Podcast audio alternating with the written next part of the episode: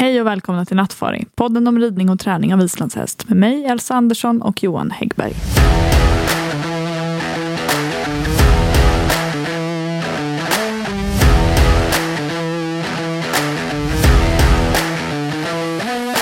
Hej allihopa!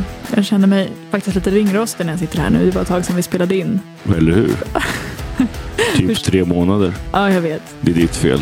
Nej, det är det inte alls. Det är lika mycket mitt fel. Men vad är anledningen till det här egentligen? Jag reser och du jobbar. Ja, vi har haft jättedåligt med tid faktiskt. Och normalt sett så brukar vi kunna få ihop det, men det har varit jättesvårt den senaste tiden, sedan nyår typ.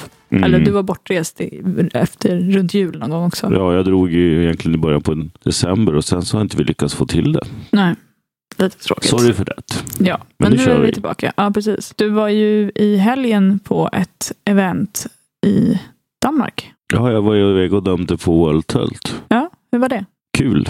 Mm. Jag gillar World Tult. Det är liksom samlar hästar från både Danmark, Tyskland, Norge. Nu är det gammalt ett gäng holländare där också. Jaha, okej. Och lite annat löst folk, någon österrikare och sådär. Så det är kul att det liksom ett, det går att åka en bit för att det är så tidigt på säsongen så att, så att man kan ge hästen lite återhämtning Mm. efteråt. Så det är ganska bra att köra ett provskott där.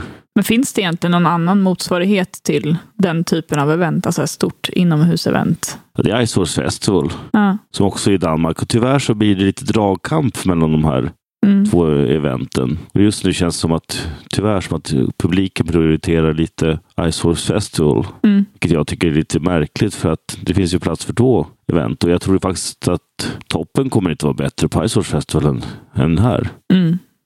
Om inte någonting bisarrt inträffar. För liksom det var alltså fyra gång tölt och fem gång var av toppkvalitet. Så jag tycker det var jätteroligt.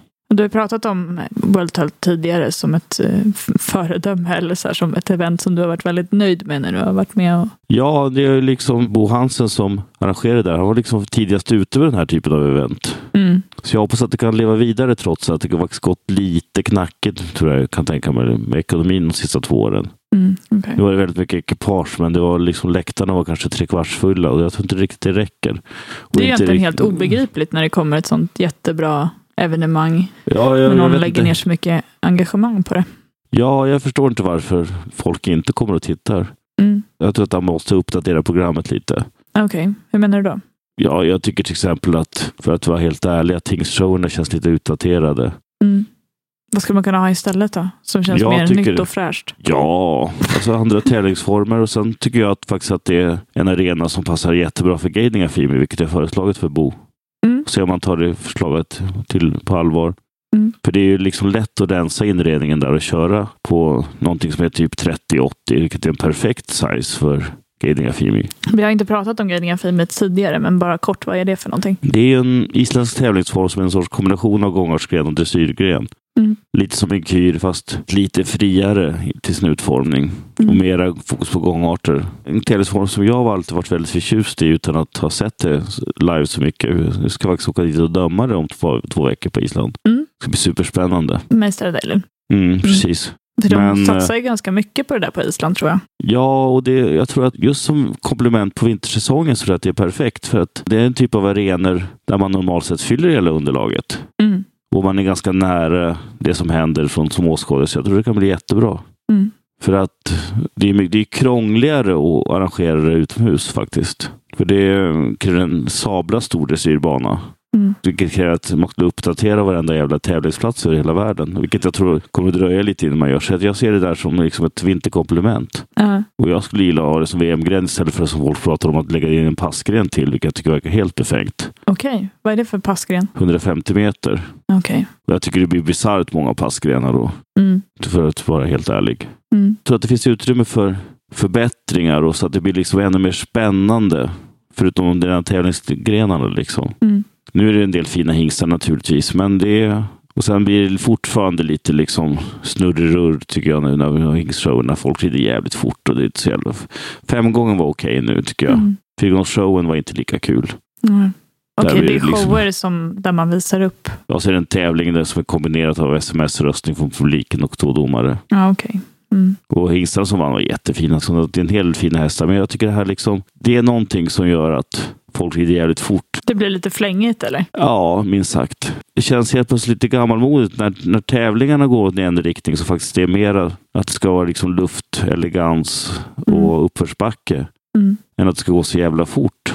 Så det känns lite liksom out of date. Till och med också när man nu försöker ändra det på det på avelsbedömningarna, ja. avelsvisningar till viss del också. Så känns det lite outdated att showerna ska gå med en jävla fart och nästan så Mm. att folk krockar. Och, jag hade en hingst som jag skulle köra tävling på sen. Mm. Skulle aldrig vilja utsätta någon för det sånt där. Nu har det varit olika hur folk red naturligtvis. Liksom, vissa behöll ju fattningen. Mm. Eller ganska många gör det naturligtvis. Men liksom, vissa gör det inte alls. Och det känns det bara som ett massivt uttag från kontot för hästen. Mm. Jag skulle aldrig göra, utsätta en ung hingst för att fara runt, runt i det där tempot som en del gör. Liksom. Nej, jag förstår. Det är också att underkänna publiken. Mm. Folk kan mer och vet mer än vad man tror kanske. Ja, och kan de inte mer får de lära sig. Ja, men det kanske är någon så här lite gammal föreställning om att man vill se den här farten och man vill liksom Fart är ju en sida. del av det hela. Liksom. Hästar ska klippa i i ökat tölt och i Mm. tempoväxlingar och i pass. Men det ska inte gå att fara runt, runt, runt. Liksom. Mm. Vi har ju pratat om de här inomhuseventsen som en möjlighet för ekipage att profilera sig, till exempel om man siktar på en högre nivå inom tävling och så. Mm. Det kan ju kanske också bidra om man lägger in en guiding affirm och kan visa en annan sida av sin häst. Och liksom Eller hur? att det är en väldigt liksom- kom komplett ekipage. Eller hur? Och det är liksom, som på World Tölt här så är några, verkligen några av världens skickligaste ryttare där. Mm. Det skulle kunna göra att det blir väldigt, väldigt roligt att titta på. Jag pläderar hej vilt för att de ska föra in affirmer där. Mm. Tio ekipage. Medskick till nästa år helt enkelt. Ja, men jag har redan pläderat för det så att Ja. vi får se. Jag bestämmer ju inte så. Nej, vi bara tycker. Men det är helt okej. Nu är det ju vår och det börjar dra ihop sig mot tävlingssäsong och lite större mästerskap som kommer i, i sommar. Vi har SM och NM på samma bana. Mm. Bra för Sverige, Mm. hoppas jag. Ja, Kanske vi kan få lite mer drag under galoscherna här. ja, precis. Vi har ju pratat lite grann om arrangemanget och så här tidigare i podden. Vad, vad tror du vi har att vänta av tävlingsåret? Jag har ingen aning. Jag har faktiskt liksom ganska lite känsla för vad som kommer att komma nytt här i Sverige. För att jag tycker inte att det är så mycket för att vara helt ärlig. Så att jag har liksom inte finger på temperaturmätaren här i, här i landet känner jag. Mm. Men jag hoppas att det kommer lite nya hästar. Vi behöver nya unga hästar, fräscha hästar. Mm. Och att det är några hästar som är på G som steppar upp lite. Mm. Ja, det var ju faktiskt lite så förra året med både SM och VM har jag för mig att du sa att den här kommer bli jättebra näst, om ett år eller om ett par år. Så. Ja, jag hoppas att vi kan göra så. Liksom, VM-laget var ju faktiskt ganska rutinerat med ett par undantag. Mm. Och även om det finns lite fler VM i flera av hästarna där så är det ju så att vi behöver påfyllnad. Mm. Och vi har inte extremt brett ryttarmaterial här i landet så det bygger på att hästarna hamnar rätt. Mm. Liksom. Mm. Visst. Vi har väldigt bra ryttare här, men det finns liksom inte 25 ryttare som kan ta VM-medalj. Det vill jag inte påstå, utan snarare kanske 15. Eller någonting. Ta det där med en nypa salt vad jag säger nu. Liksom. Att vi behöver en matchning här i landet av att de bra och valvana ryttarna har topphästar för att det ska gå riktigt kul för oss på VM Mm. och NM.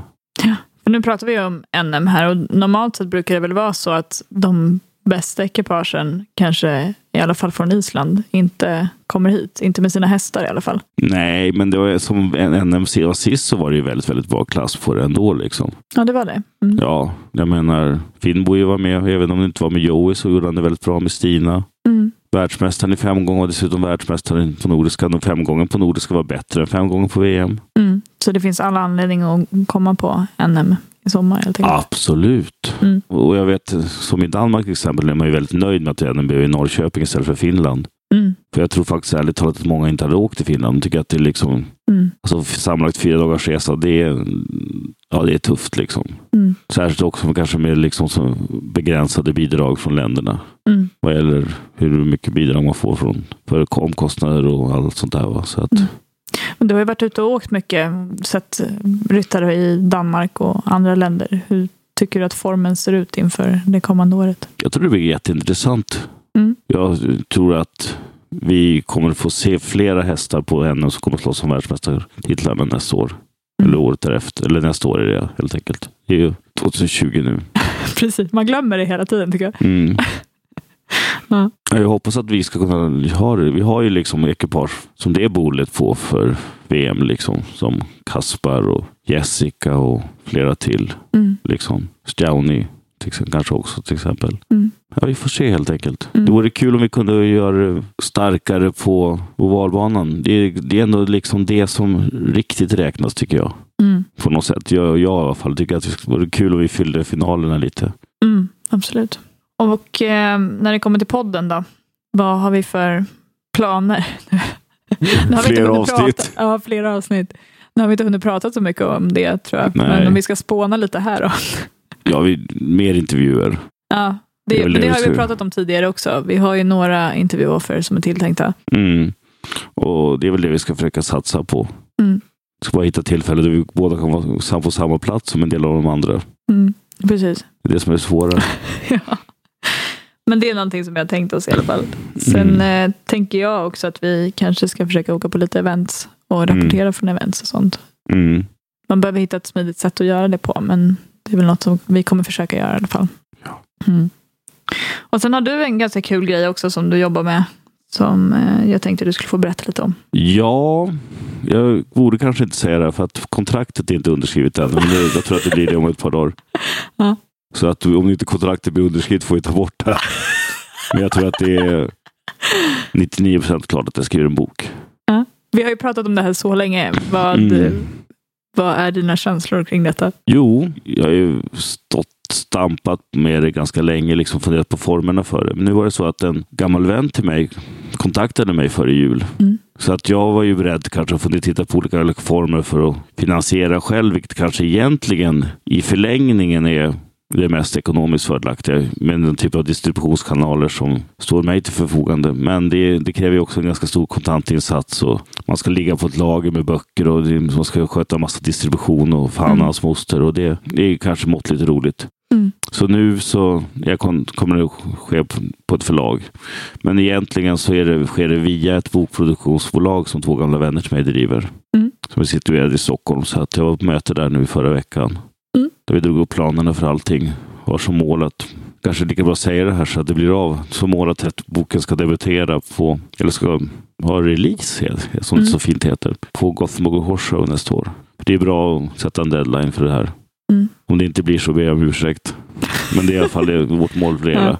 Jättespännande. Egentligen hade jag velat att det skulle rytmässigt ha debuterat på, eller haft release på Stockholm Horse Show. Mm. Men det går helt enkelt inte. Hade vi, hade vi behövt vara igång för tre, fyra månader sedan.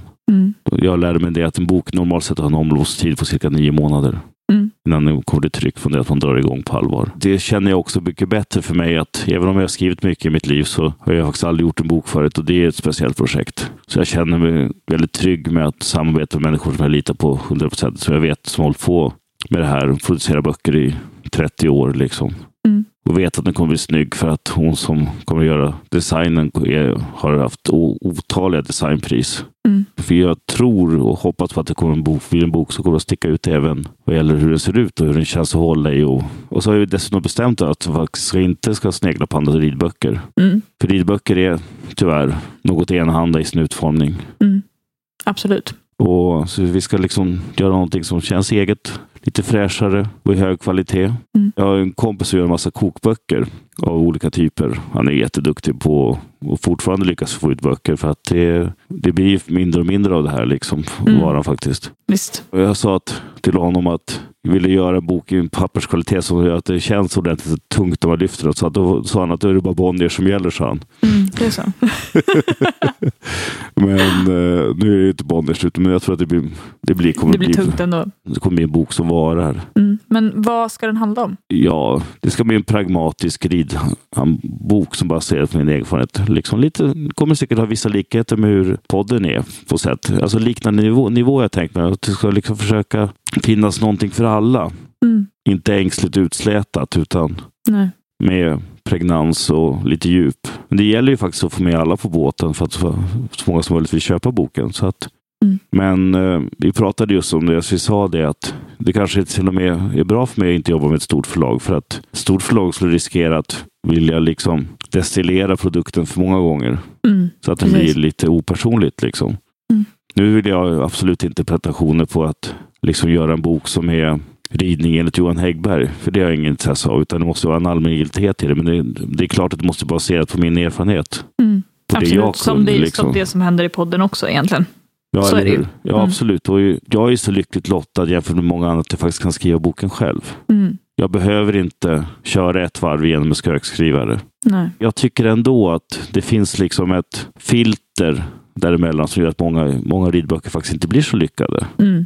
För att vara helt ärlig. Nu kan jag inte jag lova att min blir bättre. Jag har inte gjort den än. Men den här risken i alla fall att, att det liksom någonting blir vantolkat eller förflackat för att det går igenom ett filter som kanske inte förstår allting. Den slipper jag.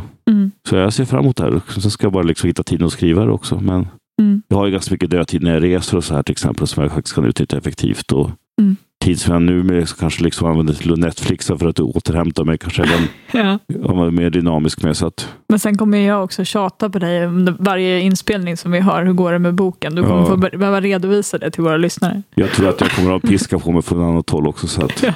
Jag är ju en deadline-artist. Så, det, så att Ja. det är nog bra. Jag kommer att ha kontinuerliga deadlines. Nej, det är jättespännande. Det ska bli skitkul faktiskt. Verkligen. Idag har vi ju tänkt att vi ska prata lite grann om domarrollen Mm. som tema. Och du är ju domare. Du berättade precis att du var iväg och dömde i helgen. I Mm. vilken egenskap var det så att säga? Ja, alltså det är, det är ju inte en five, ett five-arrangemang, men det är ju bara domare som är five-domare som dömer på det där. Mm, Okej. Och så är det tror jag ett medvetet val för att profilera kvalitet. Men vad Så är en fife-domare? Det är en som har genomgått en internationell examination. Mm. Och jag har egentligen varit det väldigt länge, så, så att säga. För jag var första gången det var examination av five-domare överhuvudtaget, när man skulle börja formalisera det här systemet. Mm. Vilket jag vill minnas var typ 91, 92 någonstans. Mm. Kanske 93. Det är ju så länge sedan nu. Så var jag faktiskt en av examinatorerna. Mm. Så, så ung som jag var då. Så att Mm. jag, Okej. jag var med och formade Examinationen. examinationerna och kvalitetskraven en gång i tiden. Mm. var en av medlemmarna i den första som kallade Five Judge Group som, som liksom försökte skapa en, någon ordning på torpet och skapa normer för hur Mm. domarledning skulle vara utformad och så här. Men alltså fife-domare, det är de som dömer de stora mästerskapen? Eller Ja. hur? Normalt sett. Absolut, och nationella mästerskapen också. måste det vara ett visst antal Five-domare för att det ska räknas som en World Ranking-tävling. Okej. Och eh, om man vill bli fife-domare, vad har man för grund då så att säga? Det skiljer sig åt från land till land. Okej. Men här i Sverige så måste det vara något, tror jag att man bör vara något som heter nationell domare. Mm. Som är det högsta steget nationellt här i landet. Mm. Och det finns väl två steg. Det är lokal och nationell Mm. här i Sverige. Vi pratade lite grann om det här innan, vilken utbildning man behöver ha för att bli varje respektive typ av domare, men vi visste inte riktigt det. Nej, jag har inte stenkoll på det här längre för att jag Nej. har distanserat mig lite från det. Inte för någon sorts liksom, egentlig orsak förutom att jag höll egentligen all domarutbildning i Sverige under nästan tio års period. Så att jag tyckte att jag hade gjort mitt någon gång. Nu vet jag inte faktiskt när jag höll sista, men det kanske var 2007, 2008 någonstans. Mm. Eller lite tidigare till och med. Jag kände att då hade jag gjort det här i 15 år nästan ensam och det var egentligen lite för länge för att någon skulle göra det. Jag tycker jag fick helt enkelt jag fick lite för stor makt Mm. och hade för mycket annat att göra och kände att, att det var läge att ta ett kliv åt sidan och släppa fram andra. I och med att jag också då sen ungefär samtidigt val, valde att inte förnya min five-domarlicens Mm. på grund av tid och andra, för mycket andra åtaganden så var jag inte aktuell heller för att hålla domarutbildning. Och sen har jag inte riktigt tagit mig in i det igen. Jag har ens inte haft tid för det. Liksom. Mm. Men nu Det- är du fife-domare? Ja, jag, Mm. jag, jag tog licensen igen 2015. Okej. Och är det så om man är fife-domare att man behöver döma ett visst antal tävlingar per år och så? Ja, nu har jag inte koll på exakt på grundkraven för jag ser till att liksom ligga Hålla ganska långt, ja. hålla mig på, på rätt sida om dem. Mm. Du, ska, du måste ju gå på ett seminarium var tredje år Mm. och sen behöver du döma, ja om det är sju dagar per år, det jag vet inte riktigt. Mm. Någonting sånt. Men det här med att utbilda sig till domare, eh, det gör man ju i SIFs regi, Svenska Mm. Och deltar i deras utbildningar. Och det där är Mm. någonting som man bekostar själv antar jag. Ja, det är lite olika det där. Många gör faktiskt av orsaken att de behöver det för andra utbildningar. Mm. Vissa instruktörsutbildningar kräver att de ska ha lokaldomare till exempel. Mm, okej. Men sen är det också att det hänger på till exempel om en är från en del av landet där de inte har så många domare så brukar ju faktiskt lokalklubbarna kliva in och hjälpa till med finansieringen Okej. mot någon visst krav på motprestation. Mm. Man kanske lovar att döma ett visst antal tävlingar eller någonting sånt där. Liksom. För nu är det ju så att man blir ju inte rik av själva dömandet. Så det är, det är kanske svårt för sig att motivera, rent ekonomiskt i alla fall om en lokalklubbsdomare så, för att Mm. alltså, liksom, ersättningen i sig är ganska begränsad. Men sen är det ju så att om man ser på det här som en del av en grundkompetens, till exempel instruktion, Mm. Så vill jag påstå att det är väldigt bra att ha den här delen. Nu är det ju så lite att det ses väl lite sådär, ibland lite suspekt av olika orsaker att man har mycket elever som man ska döma med rätt eller fel. Det kan man ju diskutera fram och tillbaka med olika åsikter. Jag tycker ju att det gynnar vår domarvärld att ha människor som är så aktiva som möjligt. Mm. Det där kan jag ibland tycka sticker ut lite när man ser vissa domare som kanske själva inte ägnar sig så mycket åt ridning eller instruktion eller tävling själva. Eller inte ens har gjort det. Precis, och det här, vi kan återkomma till den där diskussionen lite, lite senare här, Mm. tycker jag. Men jag tycker den är intressant och jag har vissa ganska starka åsikter i frågan. Mm. Men eh, det jag vill komma till det är att, till exempel om jag ser på mig själv, så tycker jag i den verksamhet jag bedriver så är det ju en väldigt nödvändig del att vara FIFE-domare. För det ger det jag säger på kurserna som i mer allmängiltighet och mer tyngd. Om jag tycker att en viss typ av ridning är gynnsamt för tävlande så har jag sannolikt mer på fötterna än någon som inte är domare Mm. till exempel. Så att jag tycker det här är en väldigt viktig del av min kompetens. För jag tycker också att det ibland knorras lite för mycket över att det kostar så mycket att vara domare och så där. För att jag tycker att tittar jag omkring så är det väldigt många som faktiskt får ganska mycket inkomster för sin dom- dömande. Både genom att man kanske dömer väldigt aktivt under en period av året. Dömer du internationella fyra dagars tävlingar så åker du ändå hem i alla fall med liksom mellan 8 och 10 000.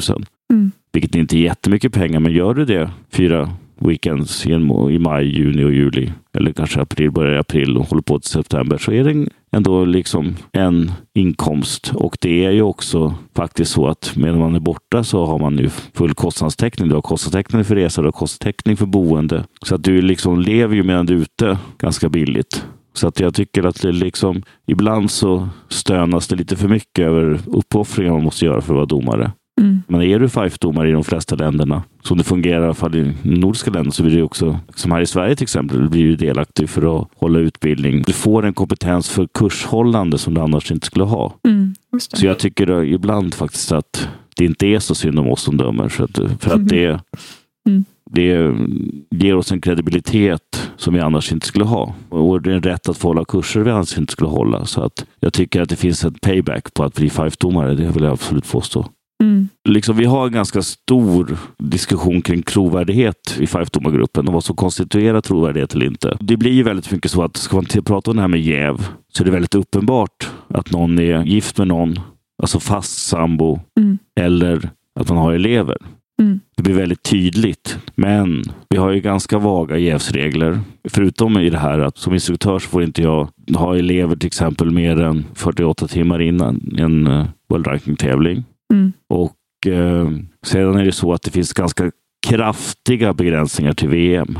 Okej. För mig är det till exempel en ekonomisk omöjlighet att döma VM.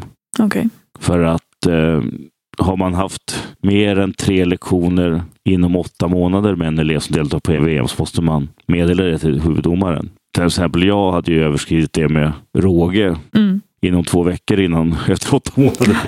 så att, sen vet man inte vilka som kommer med, men det gör att det här liksom, jag, jag ansökte om att få döma förra VM och tyckte att jag mycket väl kunde, kunde få grönt ljus för det, i som det läget var då. Men sen har ju min kursverksamhet expanderat ännu mer så att Mm. det blir i princip omöjligt för mig. Så att nu, nu har jag liksom taggat ner mitt dömande i år till exempel lite för att jag dömer inte för att uppnå de nödvändiga antalet domardagar för att döma VM längre. På gott och ont. Jag, för jag kan tycka att, för det finns så många andra sorters jäv än instruktion och ett, att man är far, Ja, men som, son bara eller inte sambo. som bara inte är tydliga liksom, på samma Precis, sätt. affärsmässiga relationer, Mm. icke certifierade romantiska involveringar. Som förekommer i branschen. Ja, eller hur? Ja, som absolut gör det. Mm. När är det jäv? När är det jäv? Är det, Mm. är det för att du är kär i någon och vill Mm. bli romantiskt involverad i något eller någonting sånt? Eller det, det, det är ju klart att det är ett jäv. Jo, men eller som du säger affärsmässiga relationer. Eller du har en anläggning till exempel och låter någon komma dit och träna eller någonting sånt där. Är det jäv? Eller till exempel att man har de här, som jag kallar det, domardomarna. Mm. Nu kommer jag att träda lite farlig mark här, men till exempel att det här att det finns ju en risk att om du är beroende av att döma, mer eller mindre, Mm. så är det ju lätt att du glider in i att till exempel, nu är det ju fler och fler över hela Europa, fler och fler tävlingar som drivs på affärsmässiga grunder. Mm. Och liksom, det finns ju en risk att sådana tävlingar tjänar på att ha högre poäng än andra tävlingar. Mm. Jag fattar. Med rätt eller fel så brukar en del tävlingar beskyddas för det här. Mm. Och det är ju väldigt olyckligt. Nu kan jag till tycka att liksom, till exempel när det med World Tult som du gjorde nu i helgen. Det är inte, kvala inte in till några tävlingar. Det är liksom lite en showtävling. Så där har man inte de här, riktigt de här kraven på sig. Men nu vill jag på till exempel att vi som bedömde nu i helgen Mm. gjorde det i princip enligt vanliga kriterier. Jag tror att de här poängen är fullt jämförbara med vanliga tävlingar. Förutom att det är liksom en mindre bana som gör att det faktiskt blir svårare. Mm. Mm. Jag tror många hade haft något högre poäng om de varit På en större... Ja, vi har Mm. inte liksom lagt till någon sorts svår bana koefficient. Men Nej. även om så vore så vore det fullt möjligt sätt att ha en sån här tävling på. Att bara säga att nu är det show, släpp på. Mm. Mm. Liksom. Men så, så kan det inte fungera när du dömer tävlingar som är allmängiltiga. Är det en World Ranking-tävling som är World Ranking-grundande och som ingår i olika kvalsystem eller uttagningssystem, då måste ju så gott det är möjligt poängen vara jämförbara mellan olika tävlingar. Mm. Och därför är det ju viktigt då att det inte är för mycket fasta domargrupper till vissa tävlingar och sådana här saker, utan att det- finns en viss ruljans i det. Det handlar om kredibilitet. Men hur är det med det där? Alltså den som arrangerar en tävling, väljer den själv vilka domare som ska döma? Det där är ju olika från olika länder och olika system, törs jag påstå. Men Mm. liksom, om man tittar sig omkring så visst finns det en tendens att vissa domare återkommer oftare på vissa tävlingar. Mm. Sen tror jag att det här liksom är en brist. Om man till exempel tittar på vissa länder i Sydeuropa, eller Mellaneuropa rättare sagt, så har ju till exempel de börjat försöka bryta upp det här. Att jag ska döma en tävling i Österrike till exempel i vår. Mm. Och jag dömde en tävling förra våren. Och jag vet att Schweiz har frågat ganska mycket efter domare från Nordeuropa nu. För att jag vill påstå att Schweiz hade kunnat haft bättre placeringar på VM förra året. Mm. Om de hade varit mer bekanta för domargruppen. Okej.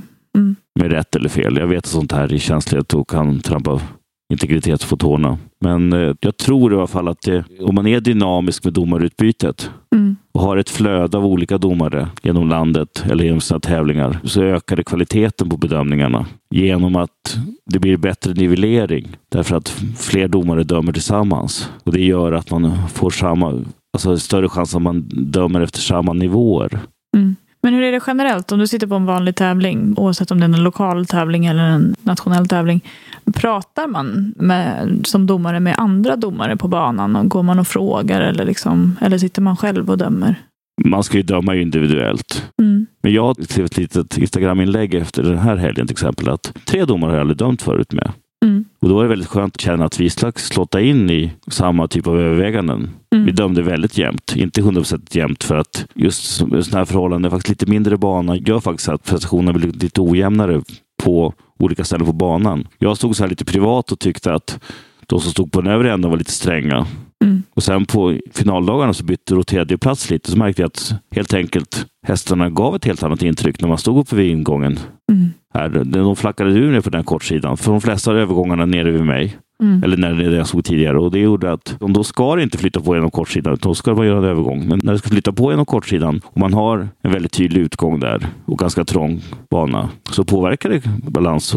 Så så att jag förstod fullt ut varför de faktiskt låg på många ekipage, låg lite, lite lägre. Mm. Det var fullt logiskt. Men ändå så kände jag liksom att det fanns en ryggrad i den här domargruppen som jag dömde i nu i helgen, som också finns många andra gånger jag dömer också, där man känner ändå att alla är trygga för att man ligger på samma nivå. Man, man har samma kvalitetskänsla. Mm. Nu var det till exempel tre tyska domare. Jag upplever att tyska och isländska domare till exempel, de dömer så oerhört mycket. Mm. Så att de får en rutin på både bra och dåliga ekipage Mm. Som gör att de eh, klarar av ganska snabbt att känna av nivåer. Det är ju klart, klart att vi har domare i, i Norden också som gör det, men inte lika många, Mm. tycker jag.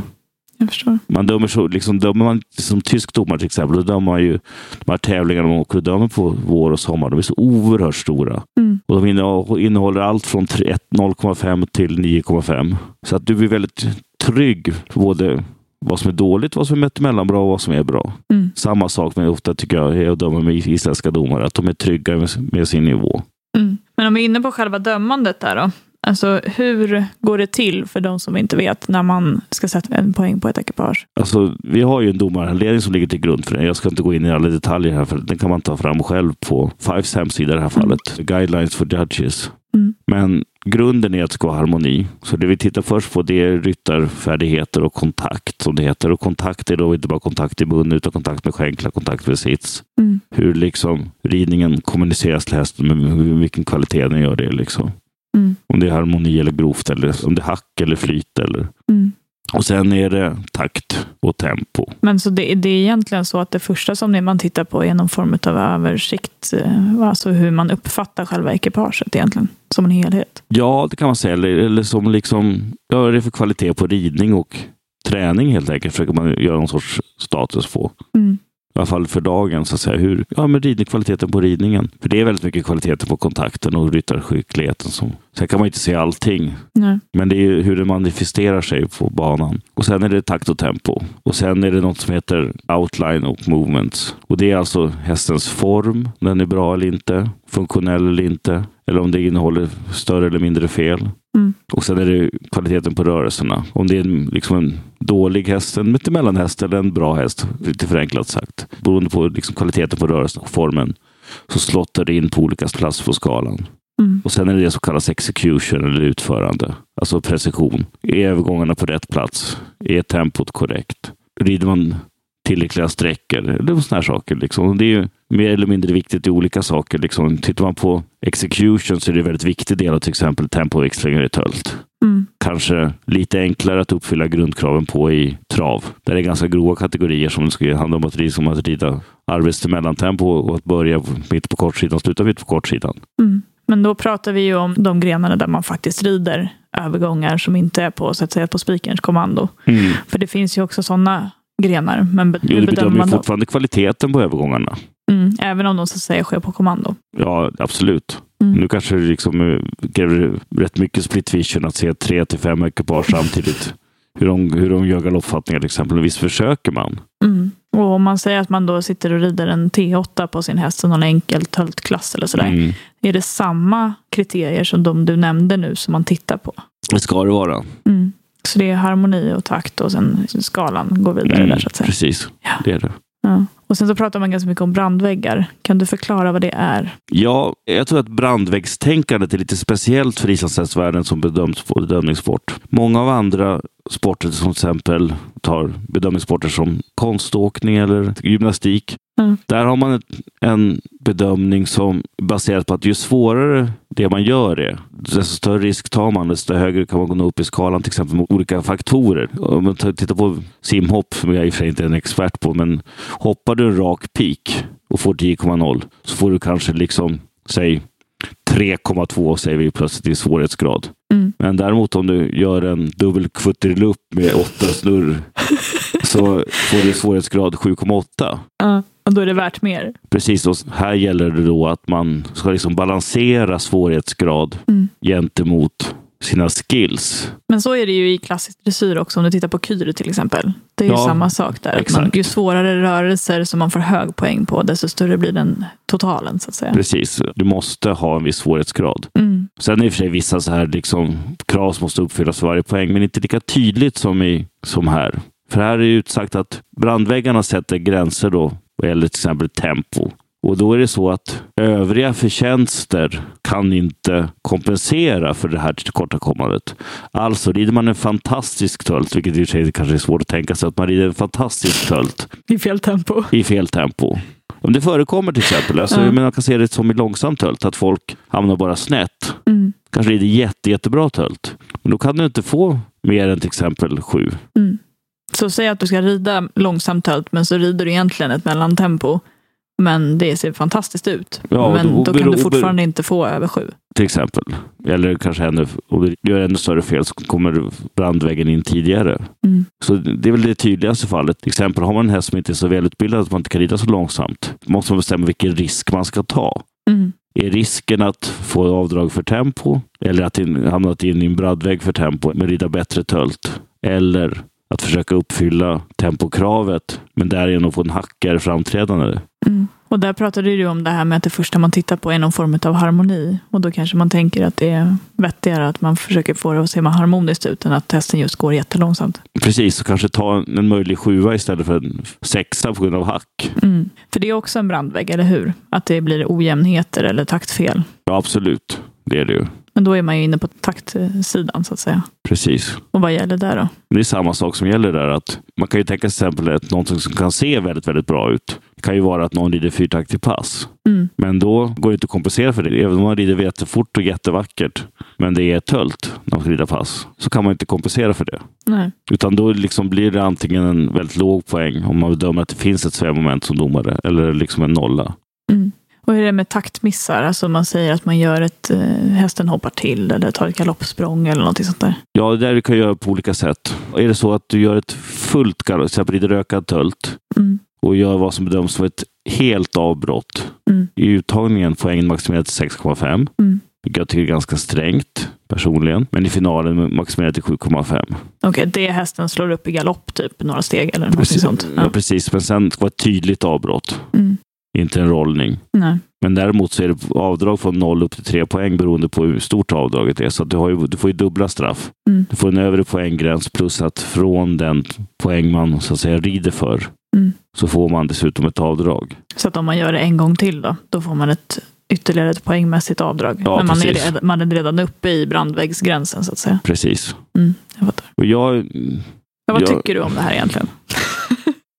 Jag tror egentligen att det är ganska bra. Man ska behöva titta över systemet lite. Liksom. Mm. Sen känner jag liksom att det som har hänt är att brandväggarna sköts på lite olika sätt av olika domare. Mm. Vi har det jag vill kalla brandväggsfundamentalister Mm. som är väldigt strikta med det här.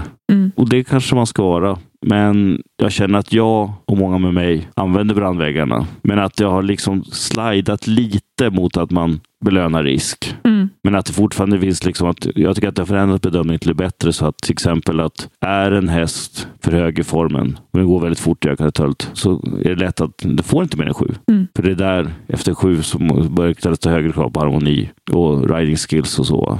Mm. Men är det också en brandvägg så att säga? Ja, det är det. Det finns en massa brandväggar. Jag tänker inte gå igenom alla i detalj för det, det går Nej, men liksom... De framgår ganska tydligt tycker jag när man tittar i guidelinesen. Så Ja. finns det ju väldigt tydligt angivet som en tabell nästan. Precis. Och jag tror, ska man vara till exempel utbildad ekipage för tävling och vara coach Mm. eller intresserad av att tävla själv så, så är det en bra grej att läsa guidelines. För att det förändrar inte träningen i sig tror jag. Mm. För jag tycker ändå att träningen för många är inriktad på harmoni, lätthet Mm. och ridbarhet. Men däremot så kanske det just att det blir tydligare till exempel hur mycket vissa typer av misstag kostar. Mm. Så att man kan göra den här smartare taktiska överväganden ofta eller riskerna för taktfel eller riskerna för ojämnhet eller hur, vilken energi man väljer att sätta i hästen. Mm. Det kan ju till exempel vara så att det kan löna sig att rida för sju i arbetstölt på en häst som kan gå för 8-5. Därför att den kan inte gå för 8-5 tillräckligt länge. Ja, okej. Och då blir kanske felen större. Det som händer sen med instabiliteter, kanske taktmissar, formmissar när hästen mister styrkan gör att man kanske hamnar lägre än 7.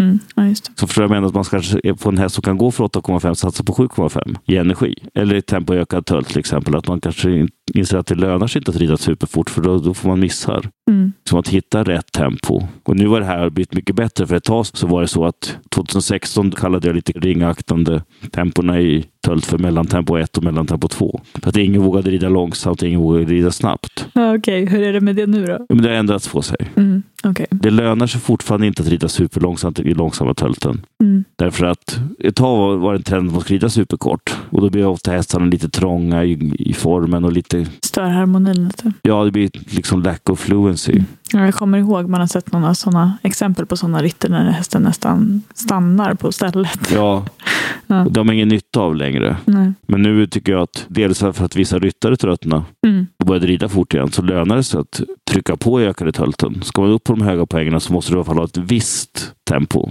Mm. Jag tycker fortfarande att liksom, vi har kommit bort från racet. Mm. Men eh, det är mycket tydligare skillnad på långsam och ökad tölt nu Mm. än det var till exempel 16. När det var någon sorts allmän försiktighet som grepp omkring sig. Liksom. Mm. Vi har ju pratat ganska mycket om det här tidigare, hur man ska bedöma och sådär.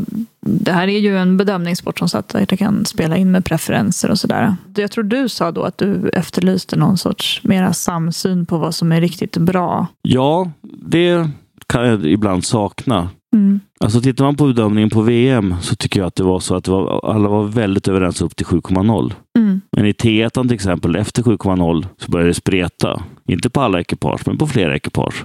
Är det någon ansträngning som ska göras i bedömning just nu, internationellt sett och nationellt sett, så är det faktiskt att skapa samsyn från 7,5 upp, upp till 10.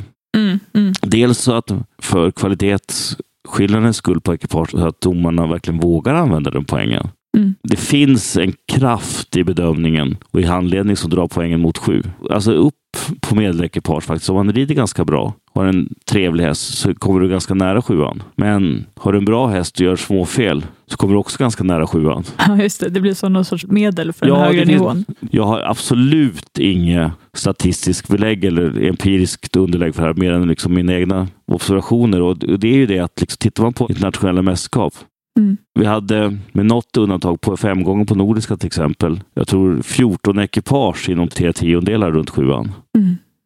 Och det kanske var rätt, för att det finns en kraft som drar mot sjuan, liksom, med bra ekipage. Och ganska bra ekipage så gärna upp mot sjuan. Och det här är kanske i vissa fall helt enkelt korrekt. Men i vissa fall kan det vara för att det finns en rädsla för att om någon gör en 8,5 eller 9 så är man inte trygg med att ge den. Mm. Det är olika spännvidd i bedömningen i olika gångarter. Det kanske har tekniska orsaker, men det är mycket lättare att få 9 i skritt och pass Okej. än det är i långsam tölt Okej. eller trav. Mm. Framförallt skritt så är det väldigt elastisk bedömning.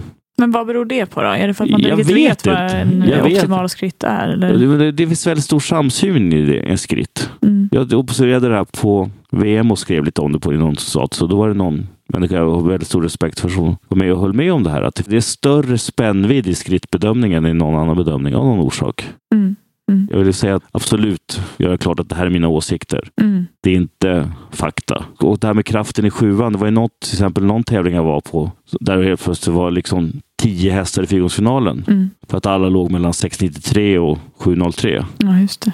Det är inte enda tävlingen jag sett det här på, utan det, det finns liksom en kraft på något sätt som drar bedömning mot sju. Och det, det här kanske behövde brytas upp på något sätt. Mm. Men är det domarhandledningen, att det är där man hamnar så att säga? Om man liksom... Det är ju det att så fort du tar små risker mm. så kommer småfelen och då Mm. på åtta uppåt så ska man ju eliminera småfelen. Mm, just det. Men du sa att vid sju så är det att man ställer högre krav på harmoni, form, ryttarskicklighet och lite sådana De här saker. kommer ju gradvis under hela, Mm. men det finns tydliga gränser. Men om vi börjar på fem då, till exempel. Vad kräver det? 60 000 kronor kräver det. Nej, men du alltså, ska bara säga vad, vad innefattas i en femma? ja, men då sticker det inte ut åt något håll. Nej. Eller också är det någon som är väldigt bra och gör ganska grova fel. Ja. Du har medelrörelser, Mm. du har takt, men du kan ha, fortfarande ha balansmissar. Du kan ha en lätt passtakt, lätt travtakt. Liksom vi pratar om kanske 10, 15, 20 procent nu. Men, Mm. eller du kan ha en häst som liksom går rent 80 procent av varvet. Det går ju att exemplifiera på många sätt. Det, ja, det är inga stora fel. Nej. Och om man steppar upp det till sexan då? Där är bara hästen lite bättre. Ja. För att det finns ingen brandvägg som skiljer 5 och 6. Nej, okej. Utan brandväggarna slottar in tror jag mer tydligt vid 4, 6, Mm. 7 och 8. Jag ska leta fram ett exempel här. Ska jag försöka läsa samtidigt som jag pratar här. Och vi ska titta på något enkelt och lättförståeligt exempel här. Mm. tar vi långsamt tölt för det är kul. Slow tölt. Då börjar det med Riding Skills Connection. Mm. Då har vi då 1,5 till 2, eller 0 till 2. Vilket gör att det är ganska uselt. Då har vi alltså rough riding, warning by yellow card. Very poor riding skills. Alltså att man rider Men är det dåligt eller hårt? Eller? av serious lack of cooperation, very poor connection. Mm. Och det kan ju vara poor connection på olika sätt. Det kan ju vara till exempel att någon hänger väldigt mycket i handen, extremt mycket, eller att hästen är extremt instabil i formen. Mm. Men för att det ska vara här nere så måste det vara kombinerat med tydliga brist på ryttarinverkningar också. Liksom. Mm. Så det är inte bara att hästen är, går risigt utan det krävs även att ridningen är ganska dålig. Mm. Men sitter man sen på Riding Skills Connection så är det liksom samma brandväggar egentligen från två till sex. Mm. Okej. Some clear faults in riding, problems with the connection. Nu har man det här alltså, the seriousness of the shortcoming should influence the mark. Men det här är tydligt att det är tillåtet med fel upp till sex. Mm. Alltså ryttarfel i ridningen. Ja, och formfel. Mm. Eller connectionfel. Liksom. Men sen vid sex så kommer nästa brandvägg. Där har vi då generally good riding style. Horse generally submitting to the riding aids. Och det här kan till exempel leda till olika konsekvenser. Jag vet inte, en häst som i trav nu på de här tävlingarna som jag hade sex på. Mm. För att jag tyckte att det var så instabilitet i sitsen. Med rätt eller fel tyckte jag att det var instabiliteter i sitsen och i formen. Så gjorde att jag tyckte att brandväggen slottade i vid sex. Mm. Men de andra domarna tyckte inte att det var så illa. Hade 7-7-5. Baserat på att gången var tillräckligt bra för det. Så, så den här typen av saker kan hända. Att jag vill då hävda att min sexa var korrekt utifrån det jag såg. Mm. Men de tyckte att det passerade. Det kanske är när man är uppe på de lite högre poängen att det blir väldigt små nyanser också. Ja, eller liksom att du ska inte ha en för spänd form i tölt för då kommer det inte över sex. Mm. Eller för instabil form i trav, då kommer det inte över sexan. Liksom. Sen måste det inte vara perfekt för åtta. Då har vi då alltså generally good riding style. Horse generally submitting to the riding aids. Det är mellan 6 och 8. Mm. Mm. Det är därför jag säger att jag kan inte säga hur en häst ser ut för 6,5 eller 7,5. Mm. Men då förstår man det bättre när du förklarar det så här. Ja, men det tycker jag också. Det, det förstår jag att man Mm. förstår bättre. Mm. Men där, tittar man på åttan då, så har vi då Harmony, Very Good Connection och något som jag tycker är intressant som heter Excellent Riding. Mm. Det här är ju ganska starka ord, om vi säger så. Liksom. Excellent, då är, det, då är det både effektivt och ser snyggt ut. Mm. Jag frågade just, jag satt, jag satt utanför på T2 nu och då var det en häst som var extremt flott. Mm. Så frågade jag en av domarna och då tyckte hon att hästen var jäkligt flott, men ryttaren gjorde vissa saker som gjorde att hon tyckte att det var inte excellent riding. Mm. Så då, då höll hon den på åtta. Det här måste vara en samsyn. va? Och jag vet till exempel, jag är ibland lite förtjust på i hästar går fort i ökade tölt. Mm. Kanske inte alltid lika hård på formen som jag borde vara. Som jag sa, att vara- domare var medveten om sina egna fällor. Mm. Och det, du vet att det var någon häst här nu som jag satte 7, 5 eller 8 på och de andra höll på sjuan. Där då säkert sjuan var mera korrekt än mitt avvägande därför att hästen var snäppet för hög, men väldigt snabb och väldigt flott. Och för övrigt liksom harmonisk ridning. Men det här är typiskt liksom brandvägg. Där det går inte att kompensera. Formen är för hög. Så det ska slå fast vid sju. Just den här typen av samsyn är ju väldigt viktig. Mm. Så att man inte liksom i en- viss domargrupp eller ett visst land har kultur att sån ökad tölt får på tempot och aktionen. Mm. Då får den 8,5. Och då blir det väldigt tufft för den ryttaren till exempel om man är i en sån, rider för en sån grupp. Eller när man har den typen av överenskommelse, om man kan kalla det så. Så kommer man till VM Mm. och så var man helt plötsligt 690 i tölt istället för det 780 som man är van vid. Mm. Det är därför det är viktigt att de här överenskommelserna är tydliga. Man kan lösa upp till viss del på seminarier, men det här är någonting som domare lär sig genom att döma ihop och genom att ha liksom integriteten och kunskapen. Att se vad som är korrekt och inte. Absolut. Det blir väldigt tydligt där, det var jättebra. Jag tänkte också höra, du sa att vi skulle återkomma till den diskussionen om domares kompetens och sådär. Eh, som vi nämnde tidigare här med lokaldomare och liknande. Det finns ju väldigt många lokaldomare tror jag. inte det Mm. väldigt många? Ja, det är ju, det är ju bra. Det är jättebra, eller hur? Ett ganska stort antal domare, särskilt att tävlingssäsongen ofta är sex veckor. Mm. Men jag tycker nästan när man åker på tävlingar, nu är inte jag jättebevandrad i det här, men när man åker på tävlingar tycker jag nästan alltid att det är något nytt namn på domare som poppar upp. Liksom. Ja, det är ju bra det kan man tycka. Mm. Men då sa, då sa vi det tidigare, att som du upplevde att det var en, eh, något positivt för dig, att du också undervisar och är aktiv vid sidan av, så att säga. Ja, jag menar att jag tycker att att vara domare är att vara hästmänniska. Mm. Man ska sinna för rättvisa, tycker jag. Det är en viktig sak. Det är inte bara vad som ska vara rätt, för det är något helt annat. Mm. Alltså, regler har en bokstav, eller har en andemening. Det vet ju du som jurist. Ja. Liksom, lagar är kommit till av en anledning. Mm. Det är viktigt att det blir rätt rangordning och sådana saker. Det, och det, det är ju att ha en bra domarpersonlighet.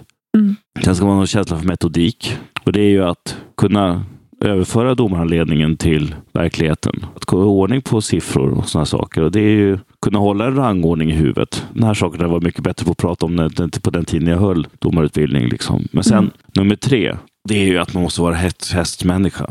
Om du liksom har- har en jävla flit och övar dig själv väldigt, väldigt mycket så kan du kompensera alltså en lite mindre aktivt hästliv. Men jag menar att i princip Du blir inte en riktigt bra domare om du inte lever och bor och ser på hästar året Mm. runt. Du får inte samma pregnans och samma förtroende i din bedömning. Och du blir inte lika snabb i dina avgöranden om du är bara en domardomare, som jag, som jag kallar det, de som liksom har sitt aktiva hästliv genom att Att döma. döma. Mm. Men hur är det med tävlingserfarenhet och sådär? Alltså, det är väl ganska många domare tror jag som inte tävlar så mycket själva. och sådär. Är det viktigt att göra det eller har det ingen betydelse? Jag tillhör de som tycker att det är viktigt. Mm. Kanske en dålig liknelse att använda tillsammans med en ju- jurist. Att man ska ha stått på skranket också. Som, som jurist så räknas ju inte, det räknas ju inte som någonting. Något Alltså, positivt. alltså suttit i fängelse. Framförallt ganska svårt att bli advokat om man har suttit i fängelse. Men, Ja, men det jag menar, däremot så tror jag det är jäkligt bra för förståelsen av, av ryttarna mm, att ha varit ryttare. mm, Det skapar mindre distans.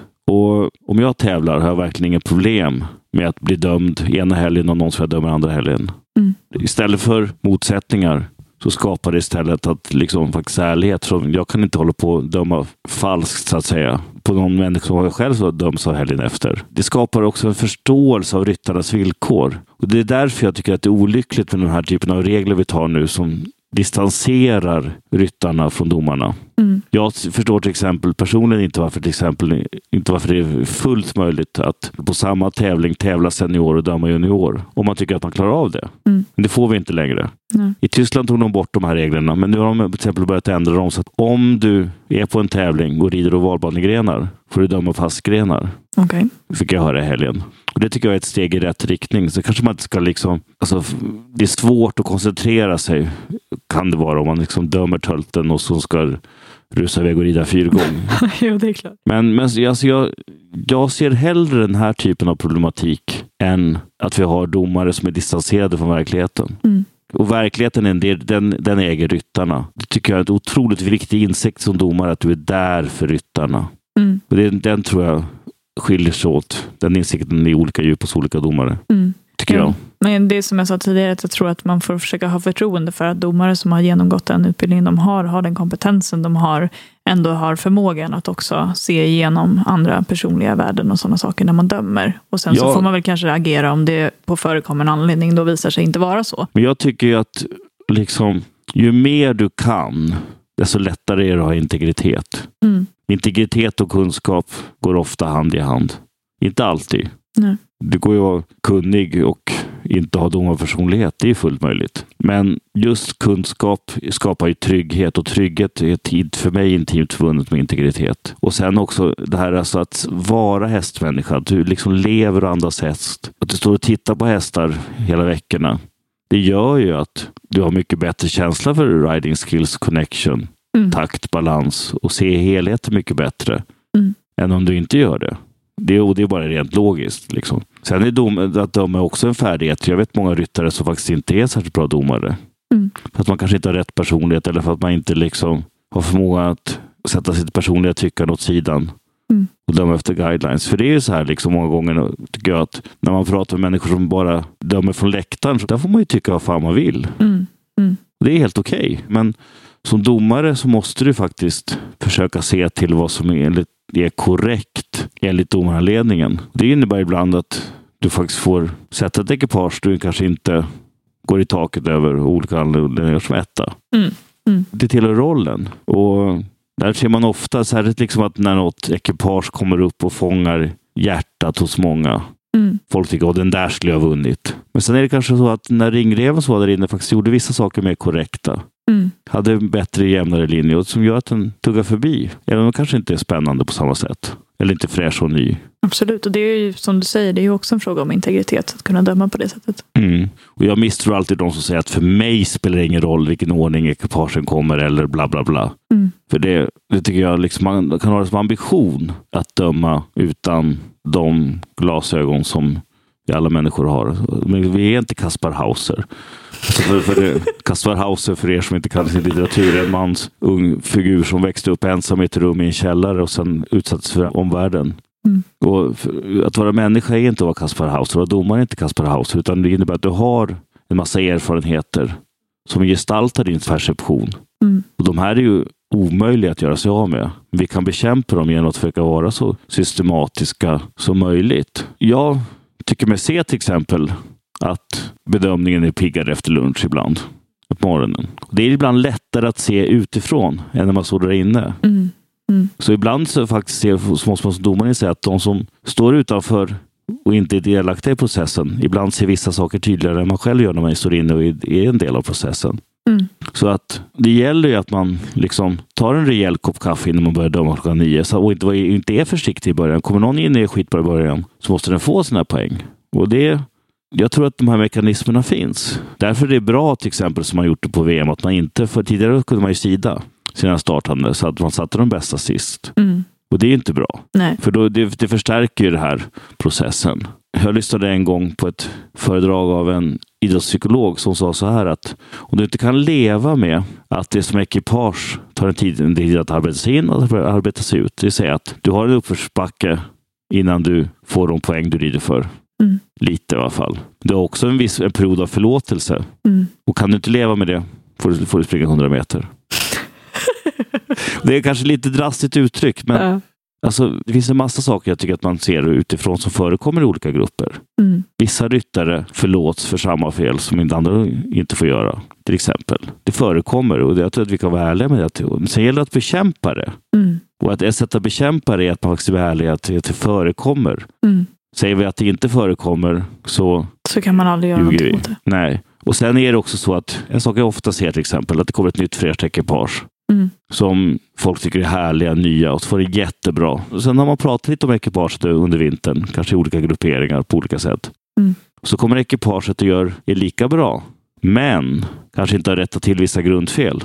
Mm. Och då får den inte på käften för det. Hästen var kanske för hög, eller den var kanske för sned, eller den kanske var lite för styv eller någonting. Och sen så får den här ekipaget leva med det här i några år. Så kan det vara lite uppförsbacke för att rättar man till det här Mm. så får man inte erkännande för det. Och nu kanske en massa domare kommer bli arga för mig för att jag säger de här sakerna, men jag tycker att det här, är liksom, det här är mekanismer, Ja, men mänskliga faktorn. Mä, mänskliga faktor Mm. Som vi arbetar med till exempel. Det finns en massa sådana saker. Och ett sätt att, som vi har sagt det flera gånger, ett sätt att bekämpa det här är att erkänna att de här problemen finns. Mm. Och att försöka liksom döma så funktionellt som möjligt. Mm. Visst är det till exempel så att en 6,5 på VM ska vara samma sak som en 6,5 på, på Snutthults tävling. Men det är det ju inte. Vad jag menar med det här, att vi kan, just, just med att vi har kvalsystem och sånt där, så måste vi ha som ambition att varje tävling ska ha samma nivå. Men det är nästan utopi att lyckas med det. Mm. Och det här måste man faktiskt som ryttare ha en viss förståelse och acceptans för. För att det är ju liksom såna här saker som dynamiker i domargrupper som gör att ibland är stämningen mer positiv och förlåtande. Ibland blir den strängare. Mm. Och Gud vet varför det blir så här. För att det kan vara samma, samma grupp människor som ibland hellre släpper skill sjuan eller stänger vid sex femman. Tror du att det är samma när det gäller dressyr till exempel? Eller andra grenar? Liksom att man, här, Ja, det tror jag. Visst kan det skapas en positiv stämning. Jag satt och funderade på det, på det här, för jag var på Horse Mm. på Kittels arrangemang i första advent. Mm. Där typ i kyren sju av tio slog personligt rekord. Och då ifrågasätter jag faktiskt om sju av tio får till sitt bästa. Mm. Eller om det inte är liksom helt plötsligt lite liksom, det är en härlig tävling med jämn kvalitet. Mm. Och släpper man till lite där så helt plötsligt säger blopp. Nej, men och det där är ju också en sak som man kan tänka på om man sitter på ett mästerskap till exempel i vår sport. Att finalpoängen är alltid högre. Ja, det, beror, det har olika orsaker. Ryttare är trygga och så. Men sen är det också det att det, det, släpper till lite liksom. Ja, Men är det inte så? Lite? Jo, jo, Även om absolut. vissa kanske är benägna och tar lite mer risker och trycka på lite mer och sådär. Men Visst kan det vara så. Och det är därför det allra, allra viktigaste för varje tävling det är att Mm. rangordningen är korrekt. okej. Det är viktigare att rangordningen är korrekt på ett VM än att poängen är korrekt. Mm. Är inte det konstigt? Nej, för tävling, alltså domares uppgift är att rangordna hästar. Jo, men jag tänker utifrån domarhandledningen som är så väldigt tydlig. Jo, jo, men, jo det, så kan det vara. Men en, använder man domarhandledning korrekt så blir också rangordningen korrekt. Mm. Sant. Men jag tycker att liksom, är det söndag, vackert väder, alla är glada och lyckliga, hästarna går som fan. Så är det ett mindre fel att alla får ett halvt poäng för högt. Mm. Än att fel ekipage vinner. Ja. Jag förstår. I, I den bästa av världar så uppfyller vi alla kriterier. Men rangordningen är nummer ett. Mm. På varje tävling. Men sen måste man då, just i och med att vi har kvaltävlingar och så, alla, hela, hela det här som gör att olika tävlingar är jämförbara med varandra, så är det så viktigt då att rangordningen är inte bara på tävling, utan rangordning är mot en totalitet av alla världens ryttare som rider samma helg. Mm. Och det är därför vi måste försöka nivellera det här så gott det går. Det är det man försöker, men jag tycker att det bästa vapnet för det, det är ju inte domarseminariet, utan det bästa vapnet är ett livligt och intensivt domarutbyte där man liksom flyttar domare över hela Europa. För så är det. man dömer tryggare med människor man känner, det känns trygga med. Mm. Om man är trygg så dömer man bättre, men blir man för trygga med varandra, då uppstår snart gruppkonsensus. Och det är inte bra heller. Det ska inte vara samma domare på varje tävling varje år Mm. till exempel. Eller ska inte vara samma domare som dömer mästerskapen i länderna. Och det här är ju fler och fler länder förstått, så att man har ju mycket mer internationella domare nu. Mm. Island har inte så många av någon anledning, men det, det är nog på gott och ont för dem, kan man tycka. Mm. Så man ska försöka vara observant på de mänskliga faktorerna så att säga. Och vara liksom medveten om sina egna brister eller Ja, preferenser eller vad man nu ska säga. ja, jag tycker liksom, på samma sätt som att det var en förutsättning för att vara en bra domare är att känna sig själv. Och sen också liksom, är det ändå tillåtet att vara en person man dömer? Mm. Domarledningen är inte helt statisk. Jag tycker att en bra bedömning är någorlunda jämn faktiskt. För att det finns en konsensus. Men någon sorts dynamik måste ju finnas. Mm. Blir det ju jäkligt trist också. Men man står inte där som domare för att uttrycka sin egen personlighet. Nej, förhoppningsvis inte. Utan man står där för att skapa en så bra rangordning som möjligt. Såklart. Bra, och med de kloka orden så tror jag kanske att vi behöver avsluta. Jag tror att avsnittet blir jättelångt. Men det är ju bra. Det, det är ju någonting som vi har uppfattat att vi, ni vill ha, ni som Ja. lyssnar. Det tar ju längre tid för Ella och jag redigerar de här, men det... Det är med tanke på de skrattparoxysmer vi drabbade med olika ortnamn i mitten. Som ni inte kommer få höra. Nej, är vissa, vissa saker behåller vi för oss själva. Tills vi, tills vi lägger ner bloggen och släpper the bloopers avsnittet. Jag vet inte längre behöver bry oss. Nej, det får ni passa er. Okej. Ja, det är Tack bra. och hej Tack. leverpastej. Ja, tack så mycket. Hej, hej.